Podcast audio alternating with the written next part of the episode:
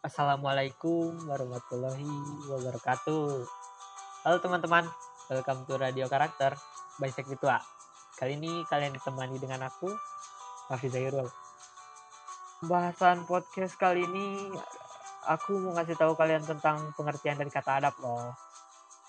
Simak sampai habis ya.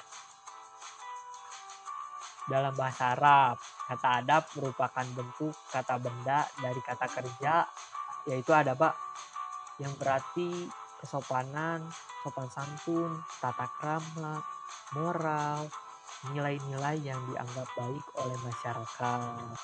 Mengutip dari pernyataan Abu Ismail Al-Harawi, pengarang kitab Manazil Asyairin, yang dimaksud dengan adab adalah menjaga antara berlebihan dan meremehkan serta mengetahui bahaya pelanggaran keberhasilan seseorang juga biasanya ditentukan oleh adab yang dimiliki loh. Dan menurut ensiklopedia tasawuf Imam Al-Ghazali karya Lukman Junaidi, adab menurut Rasulullah Shallallahu Alaihi Wasallam adalah pendidikan tentang kebajikan yang merupakan bagian dari keimanan. Masih di buku yang sama nih. Al-Hujawiri berpendapat adab merupakan keindahan dan kepatutan suatu urusan agama atau dunia. Kesemuanya dipengaruhi oleh tingkat pendidikan. Oleh karena itu, pendidikan memiliki nilai kemanusiaan yang sangat tinggi.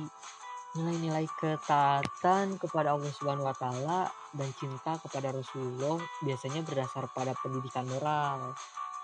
Seseorang yang tidak peduli dengan pendidikan moral ia tidak akan mampu mencapai derajat kesolehan. Untuk dicintai oleh Allah, segala sesuatu dilakukan harus bersih dan terpuji loh.